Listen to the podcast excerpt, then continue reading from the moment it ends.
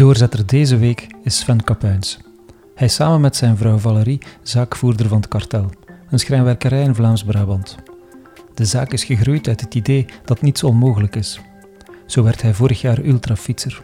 Komend jaar heeft hij twee grote doelen: de internationale versie van Kom op tegen kanker en de Trans-Pyreneeën. Sven, welkom Dank u wel. met de fiets. Beetje te laat. Ja, dat is niet erg. Ja, de, Eh, de eerste gast die al sportend naar het interview is gekomen. Sterk. Ja, inderdaad. Wat betekent dat voor jou, Sven, met de fiets? Doorzetten, loslaten? Volledig loslaten. En omwille van, ik reset mijn hoofd, ik ben eh, vrij en wat ik doe dan? Ehm, ook.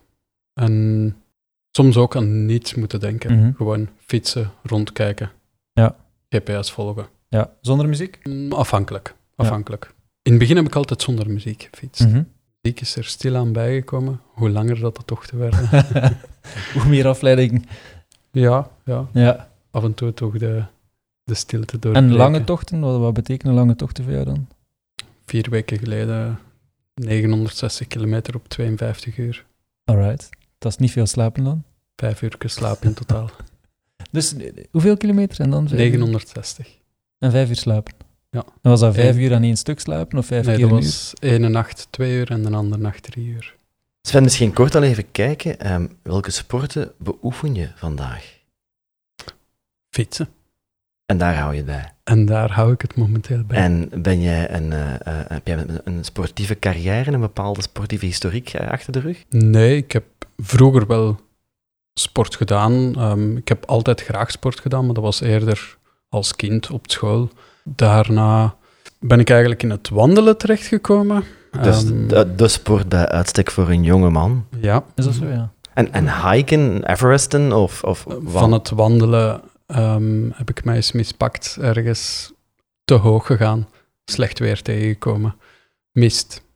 Niet Ah, gewoon ja. weten hoe dat ik moest teruggaan. Een GR-route aan het volgen, maar één keer dat er mist is, ja, dan Ja. zijn de plakkaatjes van GR nog moeilijk te vinden. En dat was dan zonder GPS?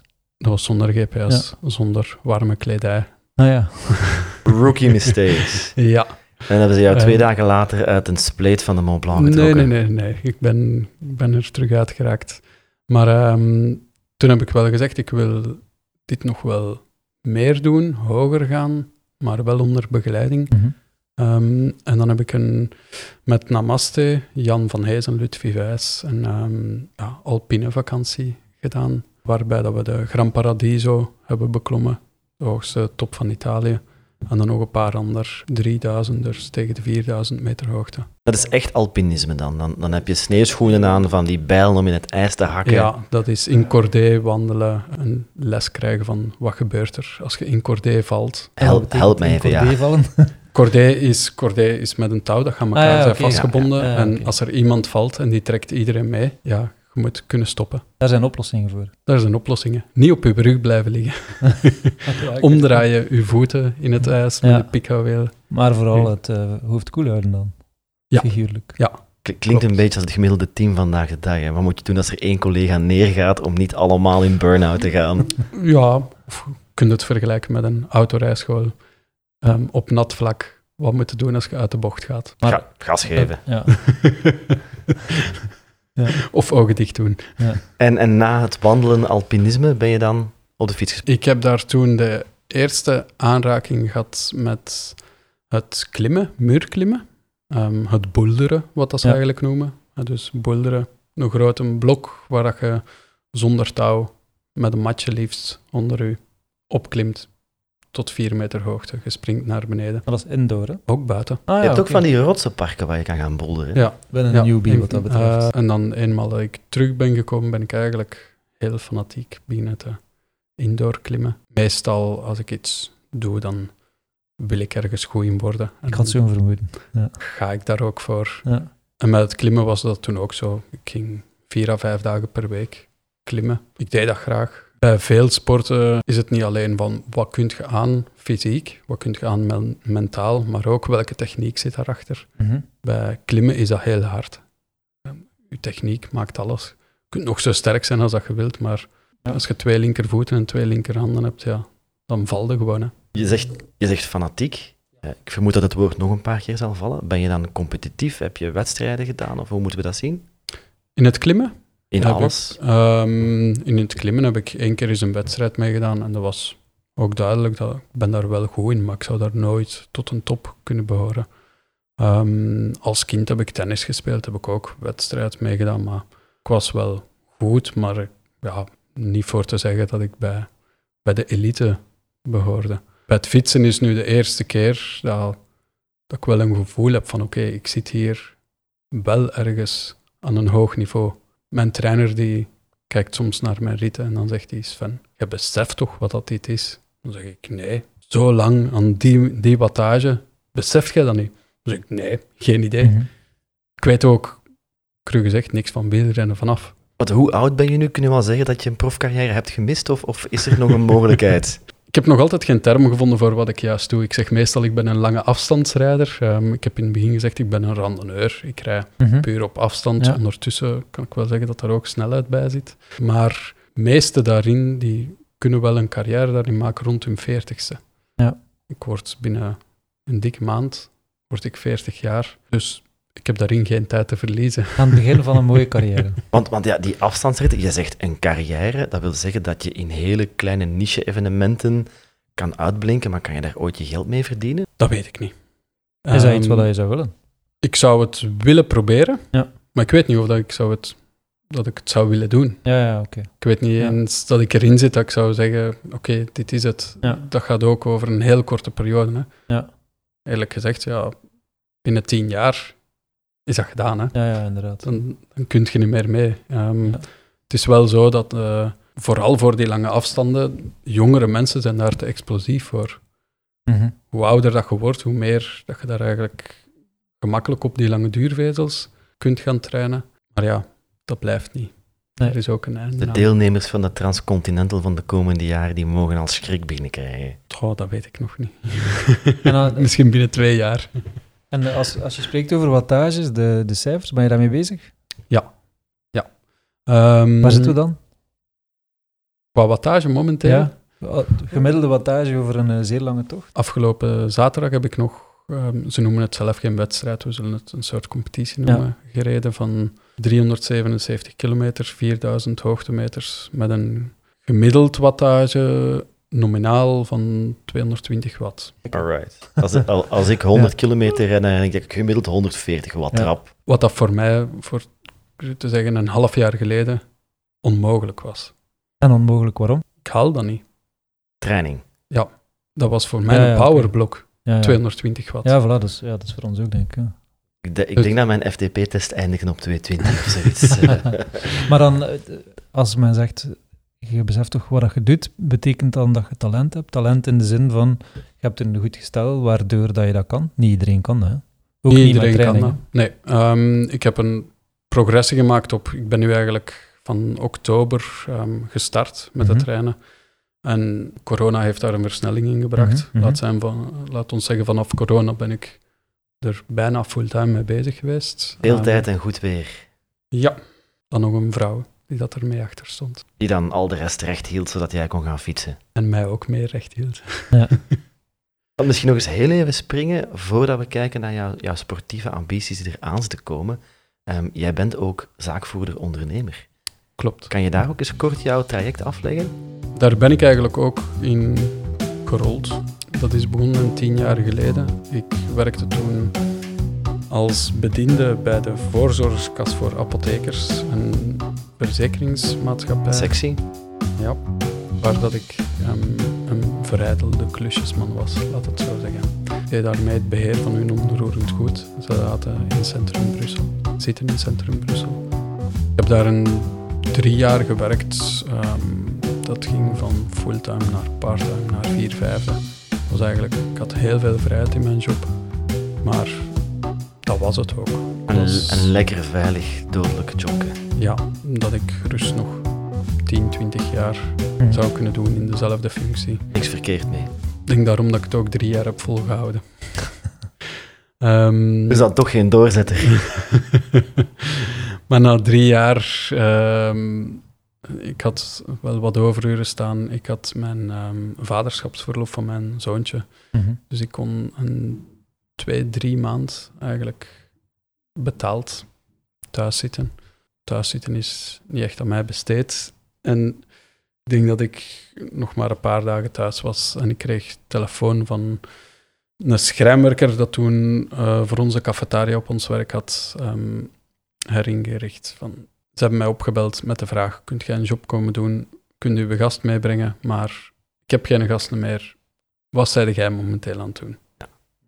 En had hij een opleiding schrijnwerkerij of Nee. algemene basiskennis? Ik zeg meestal het gezond boerenverstand. Ja. Ja, als ik, als ik mijn huis verbouw met gezond boerenverstand, staat er niet veel meer van recht. Maar je moet daarna nog eens een huis verbouwen. hè. Alright, ja. Ah, oei, zo ver ben ik niet geraakt. Zoveel, Toen- zoveel doorzetters zit er niet in. Toen heb ik een fiets gekocht. Dat was loslaten, ja. En ik denk toen de eerste job dat ik, dat ik toen gedaan heb, was ja, zenuwslopend. Was, ik denk dat wij ja, bijna 100 uur gewerkt hadden op vijf dagen. Vijf uur slapen. Ja, wat dat mij toen eigenlijk al ja, duidelijk was, gaat dat, niet, gaat dat niet zijn, maar ik kon daar goed met overweg. Ik, kon, ik kan vrij goed een lange periode weinig slapen. Ehm, werken, voor mij voelde dat ook niet als werk aan. Mhm. Dat was iets wat ik graag deed, waar ik in kon leren, waarin dat ik veel leerde. Dat was een nieuwe wereld dat openging. Dus als je zegt een zware periode, bedoel je dat niet negatief? Na die vijf dagen, dan zet je echt een wrak. Dan zet je blij dat, dat het klaar is, dat de deadline is gehaald. natuurlijk. maar je lichaam, alles, alles, ja, dan komt eigenlijk alles los in je lichaam. De, de stress en zo hebt allemaal weg en dan begint eigenlijk de pijn te komen en dan is het, ja, daarna is het herstellen. Zoals dat je bij een fietstraining ook hebt, zoals dat je in elke sport hebt. Ehm, zo is dat in het werk ook. En zo is dat in mijn werk nog heel veel voorgekomen. De verzuring ingaan en dan recupereren. Ja. En na die ervaring die zo zwaar is, zeg je dan, nu, nu ga ik terug naar Brussel een veilig job te gaan doen. Nee, absoluut niet. ik ben daarin verder gegaan. Ik kreeg ook vraag van hier en daar van, kunt je mij komen helpen of kunt je dit doen of kunt je dat doen? Dus ik ben eigenlijk van een zelfstandig bijberoep naar een paar maand naar ehm, een fulltime zelfstandige geworden. In het begin heel veel in regie gewerkt. ehm, voor Studio 100, ehm, voor andere schermwerkerijen, voor decorbouwers. Want doet dan geen keukens en badkamers en deurplinten. Nee, dat was toen nog niet aan de orde. Dat was eigenlijk vooral in de decorwereld dat ik zat. Toen ik een half jaar bezig was, belde een decorman mij op. Ja, we zitten hier in onze productie vol. Ik ben hier bezig met een filmdecor. Kunt je een stuk maken? Ja, waarom niet? Ik had wel geen paneelzag of zo, maar ja, we gaan dat wel doen. Dat lossen we wel op. Ehm, dat bleek achteraf de Amerikaanse versie van de film Loft, De Kelder Ah, te zijn. Ja. Die dat we dan volledig gemaakt hebben. Ehm, heel, eh, de film is opgenomen in Vilvoorde. Ze hebben die in Vilvoorde ook gaan opbouwen. was voor mij een hele wereld dat openging. Het appartement van de film Loft dat je in één keer in een studio ziet staan. En de skyline dat eigenlijk gewoon een doek blijkt te zijn. Niets is Ja. wat het lijkt. Tenzij dat je erin staat. Ja, ja. Dan, ja, dan ja. denkt je wel van... En dat decor staat nu bij jullie thuis in de garage voor af en toe eens na te spelen. Nee, nee, nee. Wat doen ze er eigenlijk mee? Gooien ze die dingen weg? Of? Ja, ja. Ik denk dat decor en standaardbouwwereld, ehm ja, moesten ze daar iets meer kunnen in recupereren. Cradle to cradle in de decorwereld. Ja. misschien nog een mooie niche om in te duiken. Ja. Ja. Maar vandaag ben jij zaakvoerder van een schrijnwerkerij met een achttal medewerkers. Momenteel een vier, vijftal. Daar is eigenlijk het fietsen uit ontstaan. Ontsnappen. Ja, we hadden een opdracht aangenomen die dat voor mij een uitdaging bleek te zijn. Dat ook een half jaar lang een uitdaging is geweest, zowel fysiek als mentaal. Waarin dat we van personeel verdubbeld zijn, dat we naar twintig man personeel zaten. Dat ons bedrijf in twee shiften draaide, van half zes tot tien uur s'avonds, waarbij dat ik de twee shiften deed. En in het weekend Het papierwerk. ja, in het weekend was er niemand en dan kon ik mijn rust vinden Ja. en dan ging ik meestal Ja. ja, alles wat ik in de week niet had kunnen doen, in het weekend nog bijdoen. Ja, dat heb ik toch een, een vijf maand volgehouden. Dat was in 2018. Ik ben daaruit gekomen en ik was ja, compleet het noorden kwijt. Dat was de eerste keer dat ik dacht van, waar ben ik eigenlijk in godsnaam mee bezig? Plus als je dan nakalculatie doet en je merkt van, oei, Want dat Dit niet is- waar een grote dus je, je rekent niet op Ja. voorhand. Ja, ik denk ja. niet dat al mijn overuur betaald gaan Nee. kunnen Uw worden. bedrijf op korte termijn opschalen, eh, je moet dat vaker uitleggen. Meestal is dat niet zo winstgevend. De, de Nee. factuur mag een pak hoger zijn, maar de winst daarom niet. Nee, nee. dus ehm, in omzet, we hadden een superjaar in omzet gehad, maar eh, ik denk ons slechtste jaar ooit in winst. Ik denk dat we, Valerie, medezaakvoerder, mijn vrouw en ik, we hebben toen gezegd als cadeau dat we dit project hebben gedaan, gaan we ons een elektrische fiets kopen. Ja, want iemand met jouw sportieve prestatie, die heeft wel trapondersteuning nodig. Ja. Eh, toen wel. Ik had ehm, ja, bijna tien jaar geen sport meer gedaan. Dus we hadden ons een elektrische fiets gekocht en dan het zot idee voor in die zomer met de fiets en onze tweejarige dochter en onze fietskar een fietstocht te doen van thuis uit van 600 kilometer. Zomaar, Zomaar. omdat het kan. ja. Geen 60, gewoon direct 600. ja, we gingen kijken. Ging het niet, dan konden we altijd terugdraaien. We gingen van thuis vertrekken richting Mol, Mazeik, Maastricht, heel de Vembaan af tot in Luxemburg. Ja. Derby, Dardenne door, terug naar huis. Dan ben je nooit ver weg. Als het dan echt tegen zit, dan ben je nog wel rap met de trein terug thuis. Voilà, klopt. Wat dat eigenlijk supergoed is meegevallen, wat dat ook het resultaat gaf, een keer dat wij terug in België waren. Ik had een dégoût gekregen van de auto. Mhm. Van het fietsen, als je 600 kilometer hebt gefietst en dan moeten 20 kilometer naar daar fietsen, ja, dat Ja, lijkt klopt. Ja. niets meer. Dus als jij maandagochtend een klantafspraak hebt in het Brusselse rond 9 uur in de winter, dan sta je daar in koerspak met de fiets. Het koerspak was toen er nog niet. Het was toen vooral eigenlijk ehm de kledij van het merk Voude. Dat was meer het, het avontuur. Van de Vodestore in Leuven, niet gesponsord. Klopt. Goeie winkel. Hashtag. Maar ik heb toen wel... Ik ging overal naartoe met de fiets. Ook de combinatie met de trein. Ja. Eigenlijk is het zo gemakkelijk. Eigenlijk gaat het sneller als je niet tijdens de spits rijdt met de treinen. Als je daar buiten blijft, ja... Als je naar Gent gaat, van bij ons, die verbinding is supergoed.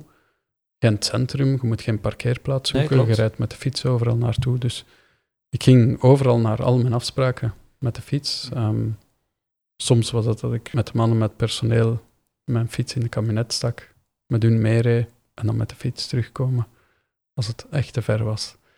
Ik heb, ik heb zo één trucje. Als, als we naar de schoonouders gaan in Limburg, dat is ongeveer 100 kilometer rijden, dan eh, zeg ik, vertrekken jullie maar met de auto, ik ga met de fiets. Dan ben ik daar een half uur om taart eten en ga met de auto terug. Dat is de ideale zondagmiddag. ja. Ze hebben het dan nog niet door dat ze zeggen, misschien moet je een paar uur vroeger vertrekken. Misschien zijn ze ook gewoon niet in mij geïnteresseerd. maar goed, je bent dan gaan fietsen met de e-bike als, als, als recreatie, Ja. als commute. Ehm, hoe maak je de sprong naar op drie dagen duizend kilometer doen en vijf uur slapen? Mijn, mijn zoontje, ondertussen juist 11 jaar geworden, is ook iemand dat sportief is. En ik had met hem een fietsvakantie gedaan in de paasvakantie 2019, als ik me niet vergis. Waarbij dat wij 60 kilometer per dag reden. Wat dat hij trapt aan 25 kilometer per uur. Wat best snel is eigenlijk. Wat dat best snel is. Mijn zoon is ook elf. Kunnen we die samen eens laten afspreken? Want die krijgt hier nog geen 20 kilometer mee. En ik kan u verzekeren, als je een elektrische fiets hebt, hij was, het was een, een, een speedelec, laat ons zo zeggen, maar waar dat bagage op zit, tent en alles en kleren, dan moet je trappen Ja. voor die bij te houden. Ja. Met als gevolg 60 kilometer en elektrische fiets op turbo met bagage. dat, dat lukt niet. Ja. Dan moet je het middags een pauze doen voor die batterij op te laden, voor dan Ah, verder te kunnen. Ja. En dat begon mij zo te frustreren, de batterij daarop. Dus op dat moment kon jouw zoon van elf beter fietsen dan jij. Klopt. En nu, af en toe, als we een berg oprijden, komt hij nog eens naast mij hangen. En dan lacht hij eens. En ondertussen is hij bij Bacola of eh, Golazzo ingeschreven om testjes te doen. En nee, nee. je houdt hem buiten de competitie. Ja. ja. Daarin mag hij kiezen wat hij doet. Ja, natuurlijk. En dan heb ik eh, vorig jaar, augustus, heb ik eigenlijk mijn, mijn eerste niet-elektrische fiets gekocht. Eh, een Kona, Kona Sutra, stalen fiets, een LTD. trekkingsfiets. Nee, de Ah, nee, gewone. de gewone. de basis met de bar end shifters Mhm. erop. 15 kilogram staal. dat je moet meezeulen. Geleverd met 40 mm mondiaalbanden. Ja, adventure bike bij uitstek. Ja. Waar dat ik dan met mijn zoon voor zijn verjaardag hebben we terug een, een fietsvakantie gedaan. Een 70 kilometer. Waarbij dat, er was één stuk aan, aan de Schelde dat hij ja, 27, 28 aan het rijden was. En ik kon die echt amper volgen. Ik had wel alle bagage mee, voordrager, eh, Mhm. vo- voortassen, achtertassen. Ehm, maar die heeft daar eigenlijk geen probleem mee. Als je vraagt zadelpijn, dan...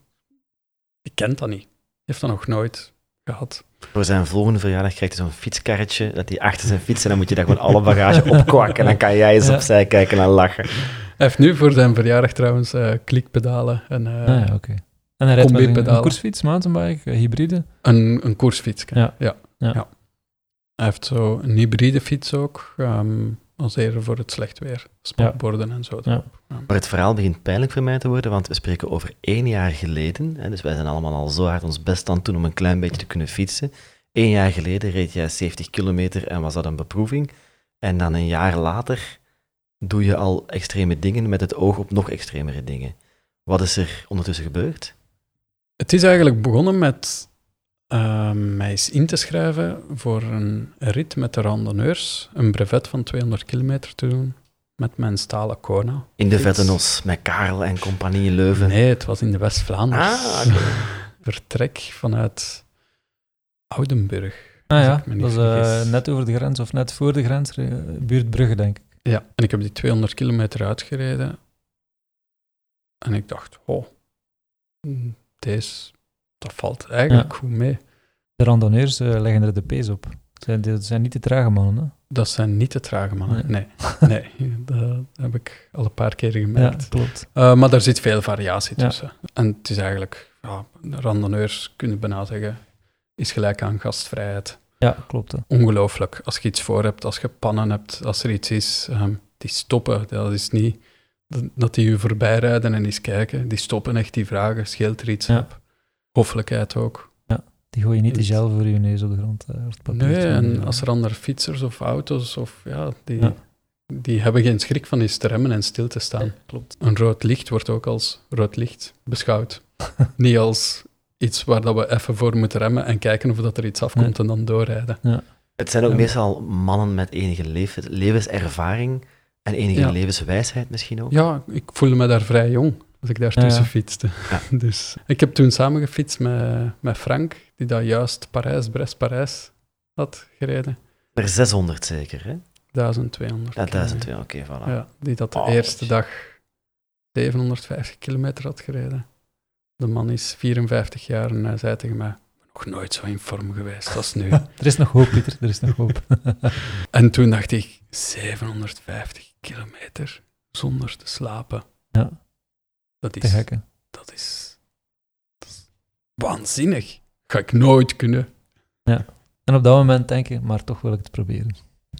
Eh, ja, het kriebelde wel Ja, ja. ergens. En ik ben dan thuis eigenlijk zo wat beginnen op te zoeken, ook van de randonneurs en wat, wat, wat zit daar. Ehm, ja, vooral duidelijkheid, ik ken niks van wielrennen. Nu nog vragen mensen mij, of dan zeggen ze mij, een Dine Kool. En dan, Die heeft vandaag de toerit gewonnen. Maar ik volg het ook niet.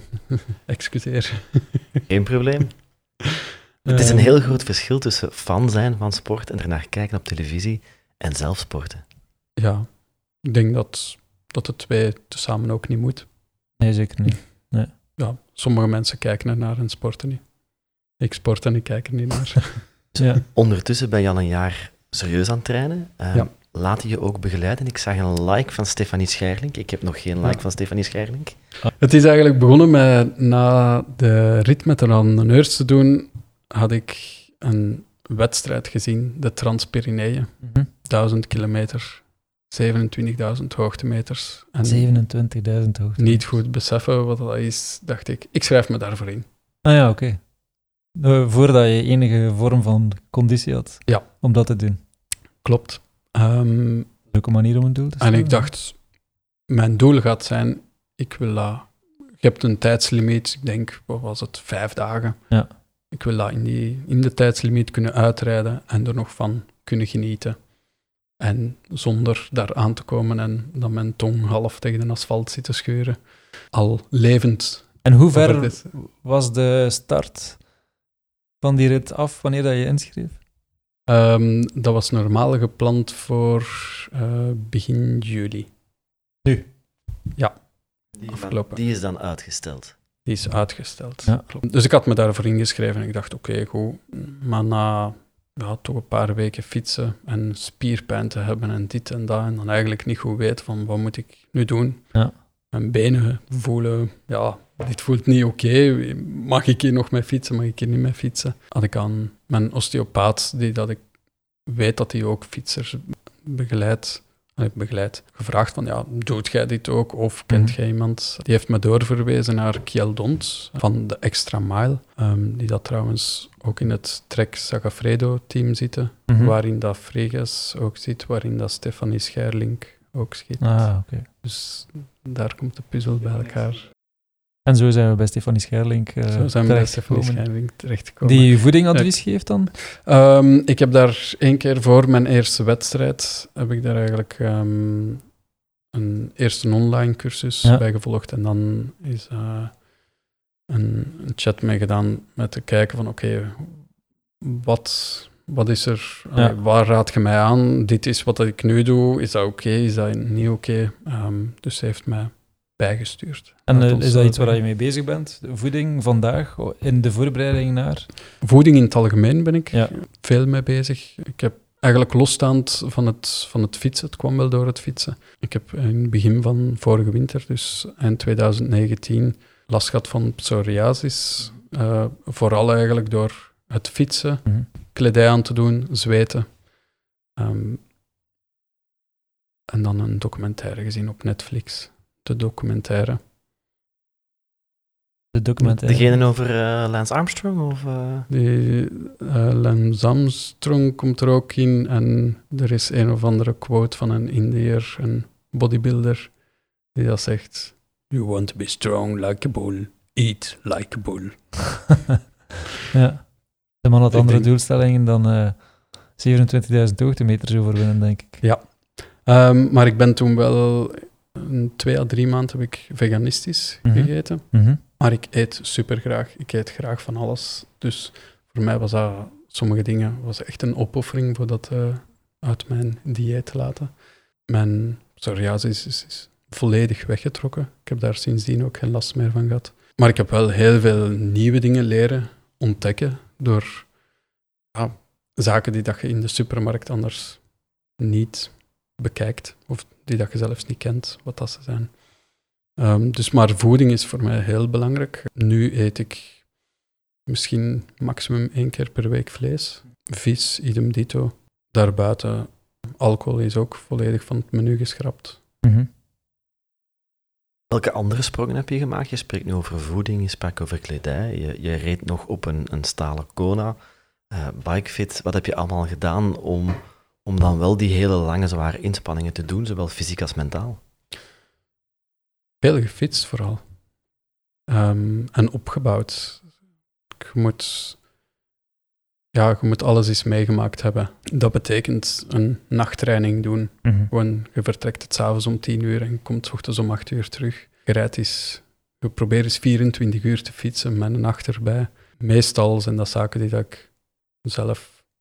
Dat is niet mijn trainer dat zegt, je moet dit doen. Dat is dat ik zeg, tegen mijn trainer zeg, ik heb een idee.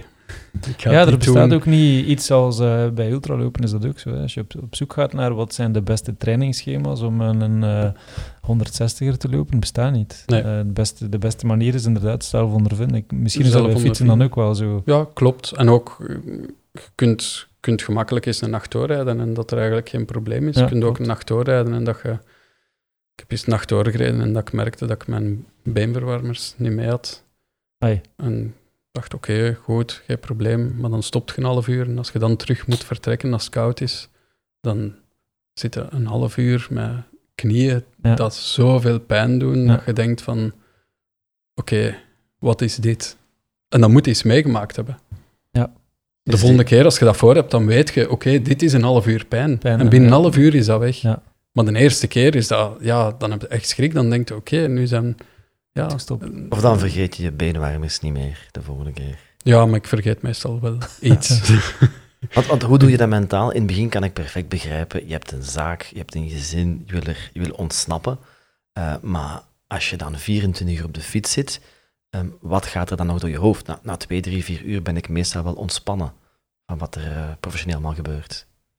Ehm, ja, dan, dat klopt. Dan zijn we ontspannen en dan komen meestal ook de creatieve ideeën. Alright. Dus jij zit heel de decors in je hoofd te renderen terwijl je op de fiets zit. nee, het gaat daar niet over. Het gaat meer over de, soms strategisch, soms ook naar missies, soms ook naar aanpak of een probleemsituatie dat er is. Dat eigenlijk sluimert en dat je zegt, oké, ehm, dat kan financieel iets zijn, dat kan met personeel te maken hebben. Ehm, Hoe capteer je dat dan? Als je dan tussendoor in WhatsApp tekst bij zo spraakberichtjes te sturen? Ah, ja. Nee, nee. Dat is het, het ja, altijd het tricky van achteraf eigenlijk. Dan ventileer ik direct naar Valerie, die ook medezaakvoerder is, van op de fiets heb ik Ja. aan dit, aan dit, aan dit, aan dit gedacht. Ja, want durf je... Ik heb ook wel af en toe dat gevoel dat je, wanneer dat je heel lang sport, heel veel ideeën kunt hebben. Maar ik vraag me dan altijd af, hoe zot zijn die ideeën en in hoeverre durf ik die ideeën die ik toen had wel uitvoeren? Want je zit dan in een bepaalde ja, flow. En misschien is die flow niet de realiteit, hè? Nee, dat klopt, dat klopt. En eigenlijk de ideeën die daar goed zijn, die gaan nog terugkomen. Ja, oké, op die manier. De, Dat is dan nu een benchmark. ja, ja, ja. Ik heb soms ideeën ook dat ik denk, terwijl ik aan het fietsen ben, geweldig. Ja. En de volgende keer als ik aan het fietsen ben, dat ik dacht, "Pff, dit is Misschien gewoon, niet gewoon weg. Ja. Andere straat Ja. inslagen. Ja. Ja, ik, ik las deze week nog een artikel dat je ehm, soms ook even moet gaan wandelen. Want als je iets leert, moet je genoeg downtime, downtime nemen voor je hersenen om dat echt te kunnen verwerken. Ehm, maar ik leer dat ook over slaap. En ik heb altijd heel grote twijfels als de patsers in het bedrijfsleven dan zeggen maar ik slaap maar twee, drie, vier uur en ik ben een geweldige patser. Ik zit in de creatieve sector. Veel slapen, dat is voor mij zuivere voeding voor creativiteit. Ehm, hoe ga jij daarmee om met dat weinig slaap? Want jouw job is zowel uitvoerend als inhoudelijk als leidinggevend. Ik heb daar echt periodes in. Ehm, en ik kan periodes hebben dat ik, dat ik meer slaap nodig heb dan normaal. Laat ons zeggen dat ik gemiddeld een, een zes uur slaap nodig heb per nacht. Maar er kunnen gerust periodes in zijn dat ik, dat ik tien uur, elf uur, twaalf uur soms slaap. Ehm, eigenlijk, ik, ik voel naar mijn lichaam.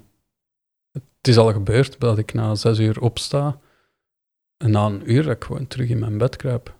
En laat je werk en gezinsleven dat toe om te zeggen, ik, ik snoes de wekker even en ik blijf tot elf uur liggen? Ehm, nee, nee. Maar ja, er is altijd iets dat het een belemmert. Dus. En het gezinsleven, mijn vrouw gaat dat nog eerder toelaten dan mijn dochter, voor het zo te zeggen. Nu, we hebben geluk, we hebben een dochter die dat ook gemakkelijk tot negen uur in haar bed kan liggen. Ja. Dus ehm, in dat opzicht is uitslapen, dat kan gerust. En is, is de balans moeilijk? Want je bent wel iemand die heel veel geeft op een bepaald moment en dan even moet recupereren om dan weer te veel te geven op een ander vlak. In hoeverre hou je het evenwicht of proberen dat evenwicht te houden? Dat en is op alle niet. vlakken je uitdaging te vinden of? Daar is geen balans in, daar is Nee. geen evenwicht in. Dat is eigenlijk continu zoeken. En cru gezegd, er is altijd een slachtoffer. Ja. Of het is het werk, of het is het privéleven, of Ja. het is het fietsen. Maar die drie combineren kan gewoon niet. Nee. Ehm, als ik mijn fietsen doe zoals ik wil doen, dan ben ik per week 40 uur bezig met mijn fietsen. Mhm. Dat is voeding, stretching. Ik doe ook nog core stability daarbij, de trainingen daarbij, de routes maken, fiets onderhouden. 40 uur, dat was je werkweek vroeger in Brussel. Klopt. Ehm, dan nog mijn werk daarbij, dan nog het privéleven daarbij. Dus ehm, nee, het is echt, ja, elke dag is kijken van oké, wat is, waar kan ik tijd mee winnen? Ehm, ik denk ook altijd dat ik heel veel ga doen op een dag. Er zijn dagen dat dat lukt. Als ik op de fiets zit, dan lukt dat altijd bijna. Ja. maar daarbuiten, ja, ik heb een agenda die daar over, over vol staat, waar ik ergens mee kan leven van oké, ik kan gewoon niet doen wat dat er van mij verwacht wordt op een dag. Want hoe moeten we jouw dag zien? Sta je veel in het atelier? Ben jij budgetten aan het maken? Moet je bij klanten zitten? Ben je aan het ontwerpen? Ehm, ontwerpen niet en al de rest wel, wat dat je zei. Op de baan, klanten, offertes. Ja, ehm, ik ben momenteel eigenlijk nog vrij onmisbaar ja, op het werk. Dat is ook het probleem naar, naar mijn fietsen naartoe. Ik doe calculatie, ik maak technische tekeningen, ik stuur atelier aan, ik stuur de plaatsing mee aan. Ehm, vandaag heb ik nog mee aan machines gestaan. Ehm, ja, wij zitten met projecten die dat altijd vrij kort op de bal zijn. Ehm, daar zitten soms wel projecten bij. Nu gaan we aan een project beginnen waar dat ik al een jaar en een half mee bezig ben. Ehm, door corona is eigenlijk heel die planning, ja, een planning is er niet echt Want als je decor maakt, dan denk ik aan theater, film, Maar dat doen we niet meer. Nee. Dus nu is het echt puur, puur interieur. Eh standenbouw is ook eigenlijk ehm, volledig uit ons gamma gegaan. We hebben een twee jaar geleden hebben wij de beslissing genomen van de standenbouwtak van dat af te bouwen. Onze huidige klanten nog wel te blijven bedienen. Eh, de enigste klant dat we daar nu nog in hebben is Duvel Moordgat, die dan nog een stand heeft, maar al de rest is er eigenlijk is eruit gegaan. kan wel een plezante stand zijn, natuurlijk. Hè. Ja, maar ja, als je hem twintig keer hebt opgezet, heb je het ook wel gehad. Ah ja, dus dat is, dat is niet één keer bouwen, dat is ook effectief op iedere beurs zelf die stand gaan opbouwen, Ja, afbreken. en aanpassen, andere afmetingen. ehm, dus dat wordt dan ook opgeslagen bij ons. Dat, daar komt schade aan, dat bijretoucheren. En op den duur heb je iets dat bij ons in een opslag er, eruit ziet als mijn god, wat staat er hier? Ja. En één keer dat het is opgebouwd van, ai, ja, het ziet er toch nog goed uit. Maar een ander model dan eh, bij iemand een kast onder een trap gaan bouwen. Ja, bijvoorbeeld. klopt. Ja. Want wat, wat doe je dan vandaag specifiek?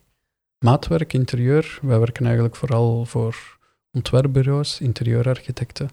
Dus wij ontwerpen zelf niets. Ehm, wij maken ons sterk in het technisch uitwerken. Ehm we krijgen regelmatig dat er een ontwerp of een interieurarchitect bij ons komt van ja, ik heb hier iets uitgewerkt, maar kan dat gemaakt worden? Dan zeg je ja. Dan zeg ik ja. ja. Ehm, zo heb ik al heel veel geleerd, ook door fouten doen. Ehm, het bogen bijvoorbeeld, eilanden met bogen in, kasten met bogen in, deuren die dat gebogen staan. Ja, ik vind dat superleuk, maar ik weet ook, ik mag niet elk project zo aannemen. Want ja, Ben je iemand die het moet doen om te leren? Kunnen op voorhand voldoende inschatten. Dit moet ik eerst nog leren alvorens dat ik ja kan zeggen op zo'n opdracht. Nee, ik zeg meestal ja en Ja. ik leer tijdens, Ja. tijdens het proces. Ja. je, Ehm, je vermeldde daar straks in je sportieve carrière behoorlijk wat solosporten, eh, op het allemaal samen aan een koord op een berg lopen. Ehm, je bent wel bedrijfsleider, je leidt een team. Ehm, hoe, hoe bevalt jou dat? ehm, Wat voor een leider ben je? Valerie is een betere HR-manager dan mij. Laat ons daarin eerlijk zijn. Het is niet alleen Ik- de mensen, het is ook de visie, waar moet dit bedrijf naartoe en, en, en al rest. Ja, ik heb meestal het, het probleem bij mij op professioneel vlak, ehm, of in het kartel, laat ons zo zeggen, is dat het voor mij allemaal altijd heel duidelijk is. De weg, ik zie het klaar helder in mijn hoofd. Ehm, ik heb het soms moeilijk met het uit te leggen aan mensen. Mhm. Zeker mensen die dat totaal op een andere golflengte zitten. Ehm, personeel is eigenlijk, ja, nu ik denk dat het in veel bedrijven is dat een issue is. Ik hoor het nog, ja. Ehm, wij redden meestal met wat dat er op ons afkomt. Ehm, als je gaat zoeken naar personeel dat goed is, dat 10, 20 jaar ervaring heeft, moet je letterlijk geluk hebben dat die, cru gezegd, uit een faillissement komen. Of dat die het gewoon beu zijn ergens, maar die vind je niet in de VDAB. Dus er waren nog nooit zoveel eh werklozen, nog nooit zoveel mensen thuis in burn-out, maar iemand die goed is en ervaren in houtbewerking, met de juiste opleiding, die is niet te vinden. Oh, moeilijk. Moeilijk. En is de opleiding voldoende? Mensen eh, die uit een opleiding komen, zou je die zomaar aan het werk kunnen zetten of durven zetten? Goh, het hangt er ook vanaf. We hebben, we hebben mensen van school gehad ehm, die, dat wij, die dat eigenlijk vrij snel kunnen meedraaien. Wij zien sommigen van het school ook afkomen. Dat wij denken, ja, hier moeten we eerst nog beginnen aan wat is een werkmentaliteit. Ja. Attitude. Maar ik En- denk niet, ja, het- Ooit een West-Vlaamse baas gehad die zei: Je moet werk zien. ja. En het, het was ook zo. Ja. Doelen heb jij zowel privé als professioneel, ik bedoel dan wel sportief en, en, en professioneel, eh, doelen voor je? Ehm, ja, mijn doelen veranderen eigenlijk continu. Ehm, ik weet nog dat ik, eh, ja, meer dan een half jaar geleden, dat ik zei, oh, ik hoop dat ik op een dag 50 kilometer ga kunnen fietsen aan 30 per uur gemiddeld. Dat is was- mooi. Ja, dat was toen een doel. Ja. En dan haalt je dat. Daar zitten we ondertussen al. Daar zitten we al aan. Ja. Daar zitten we al Met 225 watt. eh, Ja, maar bij de laatste wedstrijd zat ik aan 29,7 of 29,8. Dus ehm, Dat is een bewogen gemiddelde, dus door rustpauzes, of waren er geen rustpauzes? ehm, daar zijn wel rustpauzes, ja. Eigenlijk heb je in het, in het ultra-cycling heb je twee strategieën. Ehm zeggen, push your pedals and sleep. Ja. Of matig eigenlijk je tempo en ga niet slapen. Wat was jouw strategie? Ik ben nog aan het zoeken. Ja. Ik heb ze allebei al geprobeerd. Ben je al in slaap gevallen op de fiets? Ehm, nee, maar Hallucinaties? Ja, ja, ja, Ja. ja zeker. zeker. Tot eh, ja, olifanten, mensen, Toch, ja. dieren, ehm, ja, verkeersborden die dan met elkaar staan te praten. Ehm, En hoe kom je daar dan uit? slapen, hè. Eh, Is dan direct de rem stoppen? Nu heb ik genoeg gezien, eh, letterlijk. Ja, ja, je voelt ergens... Allee, ik voel... Er, er komt een moment dat eigenlijk je zicht begint te vertroebelen, Ja, ja. dat je concentratie begint weg te hebben. Ehm, dat je ook merkt aan je hartslag van, ja, nu zit ik hier aan een hartslag van 60 slagen. Ja. kan ik even goed aan het slapen zijn. Ja, ja. Ehm, en dan kruip je twee uur in een bushok in Wallonië om eventjes te dutten. ja, of in iemand zijn voortuin in de slaapzak. En dat zijn de momenten, je fietst eigenlijk tot als je niet meer kunt. Ja. Je slaapt en ja, je wordt wakker, kruipt terug Want, op je want fiets. hoe raak je dan weer recht? Als je dan zo'n inspanning aan het doen bent, je bent al 24 uur aan het fietsen, de inspanning, wakker zijn, je slaapt twee, drie uur en je komt terug recht? Ja, ehm, ik zet ook, ik zet geen wekker. Dus de eerste keer dat ik een wekker had gezet, dan was ik een half uur voor mijn wekker was ik wakker. Ehm, Hoe fit ben je dan, mentaal? ja, je voelt dat wel. Het ergste ook is, is het moment dat je, dat je even stopt. Ja. dan terug in gang te komen. Alles, je spieren, alles heeft koud, alles, alles doet, doet wat zeer. Ehm, maar één keer dat je terug, dat je warm hebt, dat je lichaam terug warm heeft, ja, dan is dat Pedal. ja, vergeten en vergeven. Ehm, dat heb ik ook ondertussen gemerkt, dat als je gaat slapen, het beste dat je ziet dat je daarna een berg op hebt en geen een berg af. Ja. Want als je heel kou hebt en dan nog eens een berg af moet doen als je begint terug, dat is, ja, dat is niet zo aangenaam. En, en welke voldoening haal je eruit? Oh. Het is, meestal is het ergens een, een overwinning, het is ook een leerproces. De grootste voldien, voldoening dat ik er momenteel uithaal, is omdat ik echt wel een heel duidelijke progressie zie. Dus ik zit nog niet aan mijn plafond. Ik blijf. Zoeken, zoeken waar ligt het plafond, waar ligt die barrière? Nee, ik ben daar niet naar op zoek, want ik wil daar nog niet aan zitten. Dus, Je wil nog geen andere sport ontdekken. nee, Fietsen is nog nee. te plezant. Dus Dus, de Transpyrenee is, is uitgesteld, die komt er dan binnenkort aan of, of wordt het volgend jaar pas? Eh, volgend jaar. Ehm, die is eigenlijk die is juist afgelopen geweest. Ehm, en ik, heb, ik had me nog voor twee wedstrijden ingeschreven. Maar ik heb omwille van professioneel, dat ik merkte dat eigenlijk zo'n wedstrijd toe, vooral in het buitenland, dat dat toch een hele grote impact op mijn werk heeft. Um, Transpyrenee, cru gezegd, je zei twee, drie weken ehm, weg. Mhm. Misschien zijt je nog wel lichamelijk op je werk aanwezig, maar je hoofd zit al Ja, natuurlijk. Ja. in de voorbereiding en achteraf ook. De, Ja. De nasleep erachter, ja, als je zoiets hebt gereden en dan daarna zit je op je bureau, dan heb je eigenlijk geen zin om Als het alle foto's te checken. onder andere... Ja. Alle routes nog even na te Je bent met alles bezig, Ja, behalve met je werk. Ja. Ehm, En daar straks zei je nog, ik ben nog altijd onmisbaar. Ehm, zijn er dan plannen om jezelf misbaar te maken? Ben je daarmee bezig? we zijn daarmee bezig. We zijn daar naar op zoek. Ehm, dat draait eigenlijk rond de juiste mensen vinden. Ehm, we hebben daar verschillende, laten we zeggen, wegen in die dat we kunnen inslagen. Ehm, het is niet de bedoeling voor mij volledig af te scheiden van het kartel, maar wel dat ik mijn fietsen eigenlijk kan combineren zonder dat als ik twee dagen weg ben, dat eigenlijk het werk, dat de omzet daardoor daalt. Ja. En kan je dat in dezelfde positie blijven als, als, als zaakvoerder? Of schuif je iemand anders naar voren? Of zeg je zelfsturende teams, ook in de schrijnwerkerij, moet dat kunnen? Uh, dat moet ook kunnen, maar het draait altijd rond een paar mensen die daar cruciale positie in hebben. Um, en die moeten voor een stuk... Ja, ik ben eigenlijk in het kartel, ik ben de enigste trekker. Mhm. De rest zijn allemaal duwers.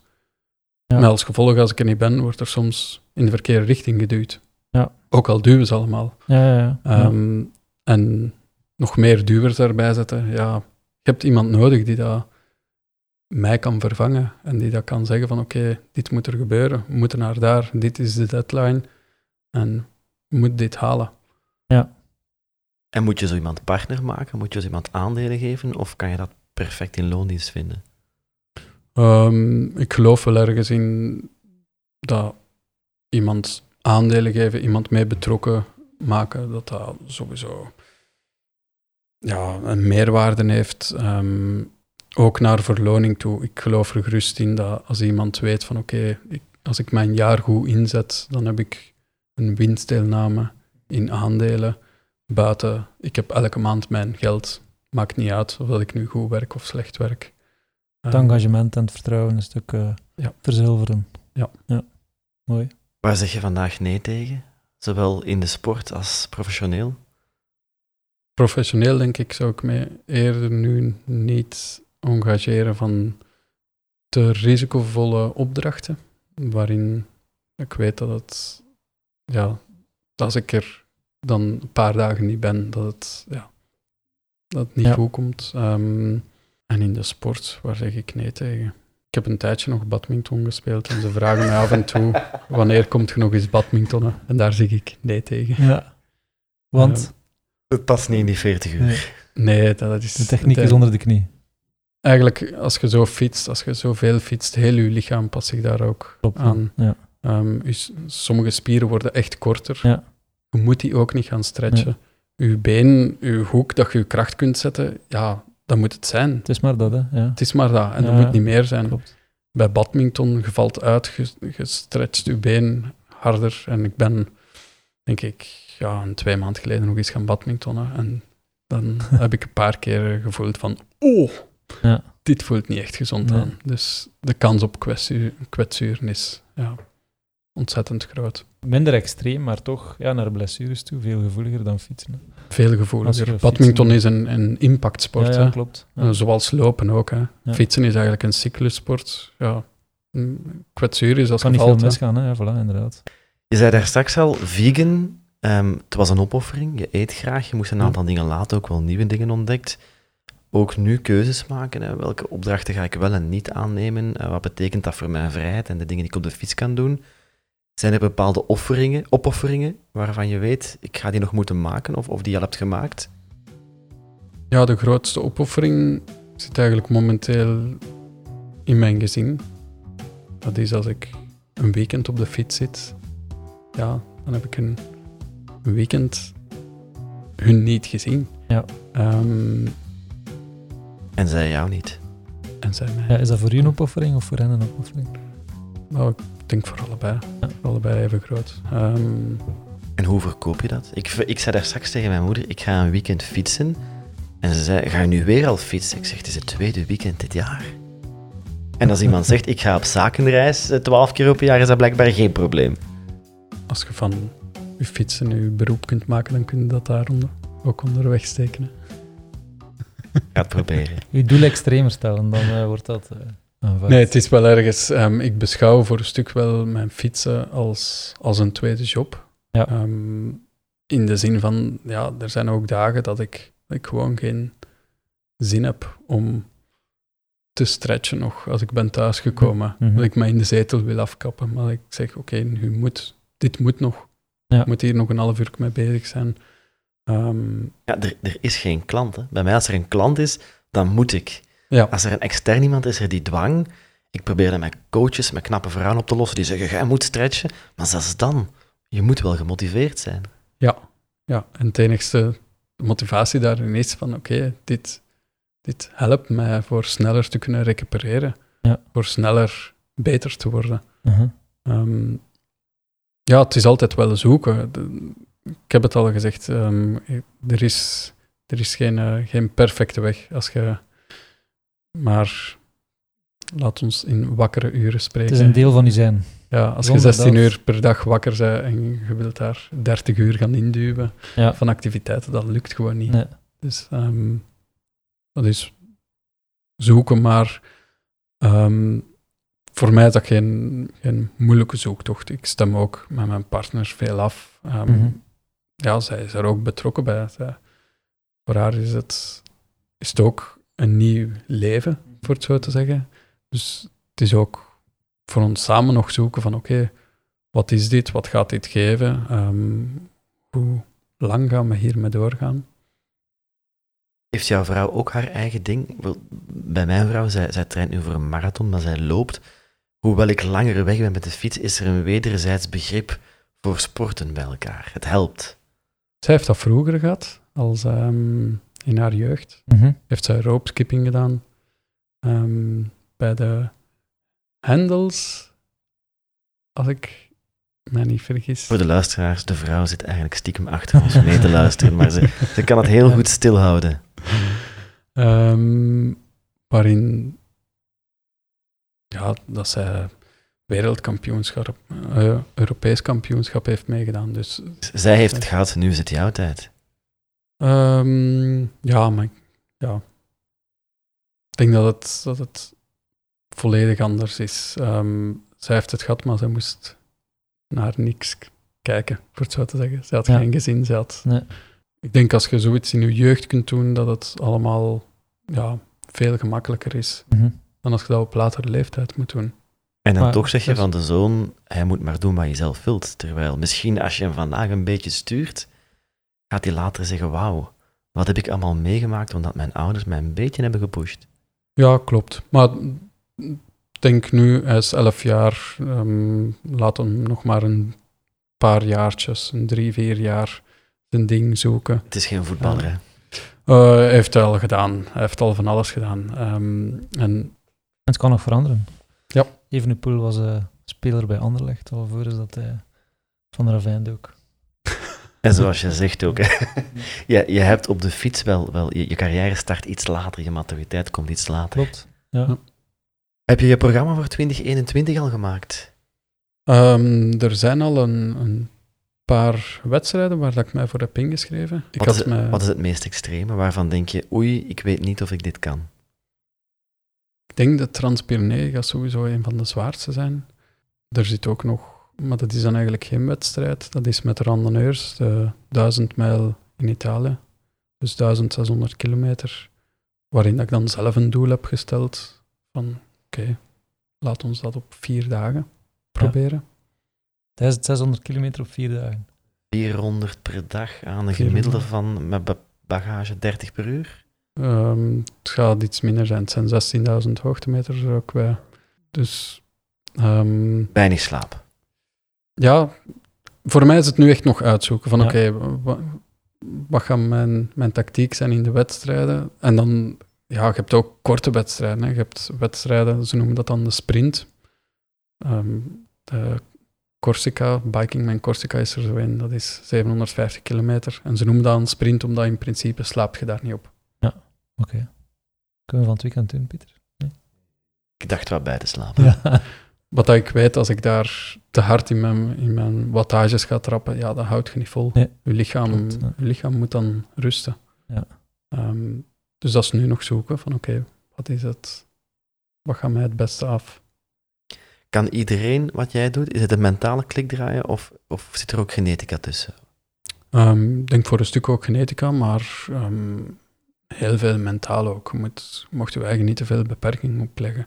Als je aan zoiets begint met het idee van, ik denk dat ik dit niet ga kunnen, ja, dan, dan komt er een moment dat je kraakt op de fiets.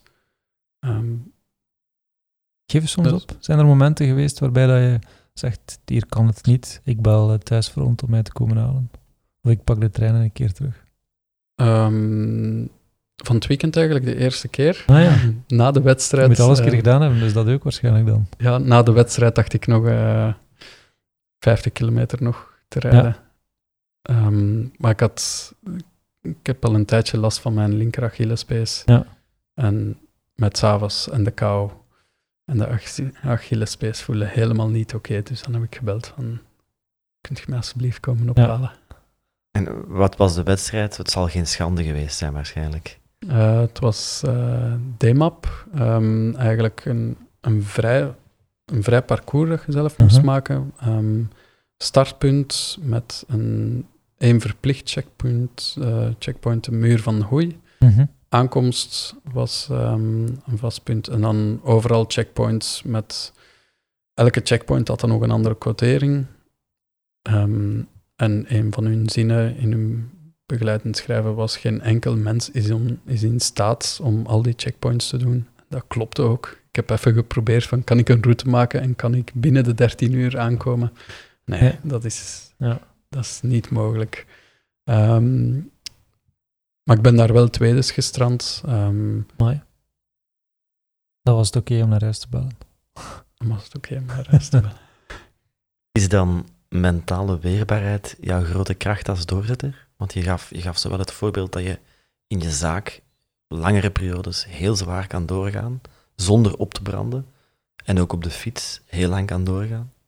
Ja, ik denk in het algemeen heb ik, heb ik een ingesteldheid van ik geloof dat ik heel veel aan kan. Ik geloof Mhm. dat ik heel veel kan leren. Ik wil ook heel veel leren. Dus ik, ik heb eigenlijk weinig drempels. Ik heb weinig angsten die dat mij ook tegenhouden. Mhm. Ehm, ik ga niet zeggen dat ik, als ik zoiets doe, dat ik daarvan niet nerveus ben. Of dat dat, ja, de eerste keer dat je op je fiets stapt en 300 kilometer gaat rijden, ja, die voorbereiding daarvoor, als ik dat nu doe, nu doe ik dat op een kwartiertje, toen was ik daar ja, een halve dag mee bezig. Mhm. Ehm, maar dat houdt mij niet tegen.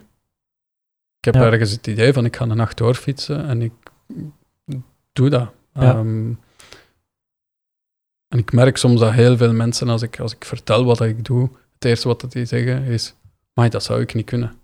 Ja, inderdaad.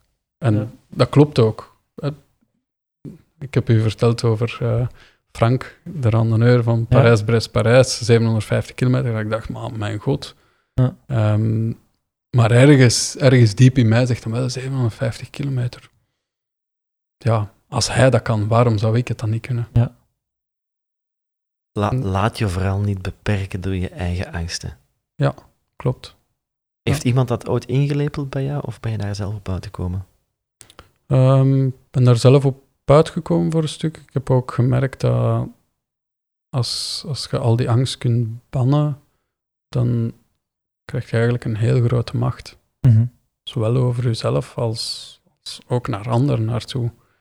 Ehm, ik denk dat ja, te veel mensen, maar dat is ook in het dagdagelijks leven, hè, te veel mensen bewegen, doen zaken eigenlijk. Waarom? Omdat ze iets anders niet willen doen. Ja, klopt. Zo. Ik wil dit niet doen, dus ik ga dit doen. En dat is iets wat ik ja, weinig, weinig, weinig toepas. Ja. Meestal doe ik iets omdat ik iets wil doen, ik wil iets bereiken. Ja. Ehm, mijn partner heeft mij over het laatst nog gezegd, iets doen tegen je zin wat dat jij niet wilt doen. Jij kent dat precies niet. Dat is ook niet dat- altijd makkelijk, denk ik dan. Ja, Ja, dat je heel veel wilt doen. Voilà, dat Ja. is het, mijn grootste geluk. Ja.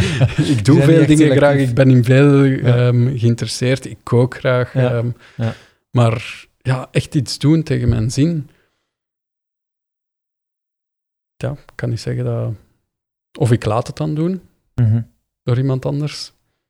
Of ik, cru gezegd, je betaalt er mensen voor. Ja. Ehm, maar ja, ik werk graag in de tuin.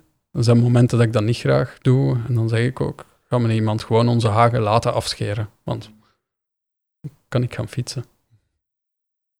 Ja, ja. Ik hoorde ooit een ondernemer die zei, eh, om, om met angsten om te gaan, die zei, beeld je gewoon het, het scenario in wat, wat kan mislopen, wat het ergst dat er kan misgaan. En heel vaak is dat niet eens zo erg. En op die manier kan je erover zetten. Ja. Ja, dat is een... Dat is een denkpiste. Ben je tevreden? Over? Je werk, je job? Heb je de voldoening of moet je nog iets najagen? Ehm, ja, ik, ik ben wel tevreden. Ik ben tevreden in mijn job. Ehm, ik doe mijn job eigenlijk heel graag. Ehm, ik zou graag meer tijd hebben in een dag. Dat is, dat is mijn grootste struikelblok. Maar Het is de grootste beperking. ja, Geen is- schrik, maar ja. de tijd. En ja, dat kunt je kunt dat niet kopen. hè. Wat brengt de dag morgen? Wat brengt de dag morgen? Fietsen? Werken? Mm, nee, ik zit even in een, nee, ik zit in een herstellingsfase met mijn Achillespees. Dus het fietsen is ehm, derde prior, laten Ja. we zo zeggen. Ja. Ehm, morgen ga ik pendelen van het werk naar, terug naar huis. De Mhm. dochter mee naar school doen, terug naar het werk. Ja. Ehm, alle geluk dat werk en thuis maar op drie kilometer liggen. Dus Dat kan er nog bij. dat kan er nog bij. Verder de ontspanningsmomenten tijdens het werk. Ik beloon mezelf meestal als ik zeg van oké, ik heb een lijstje met wat ik wil doen. Ik heb een Hm. paar punten gedaan. En nu ga ik eventjes vrije tijd nemen. Ja. En dan begin ik te kijken met wat is er allemaal gaande in het ultrafietsen. Ah, ja. Welke wedstrijden ben ik bezig? Wie kan ik volgen in zijn trekking? ja, mooi. Super, Sven, dankjewel. Als je binnenkort aan een wedstrijd begint, laat het ons weten. Dan gaan wij jouw trekker volgen. Zeker. En dan zijn wij heel benieuwd eh, hoe je het ervan afbrengt. Veilige fietstocht eh, samen met je vrouw terug naar huis in het donker. Eh, geniet ervan en veilig thuis. In het donker zeker. Altijd genieten.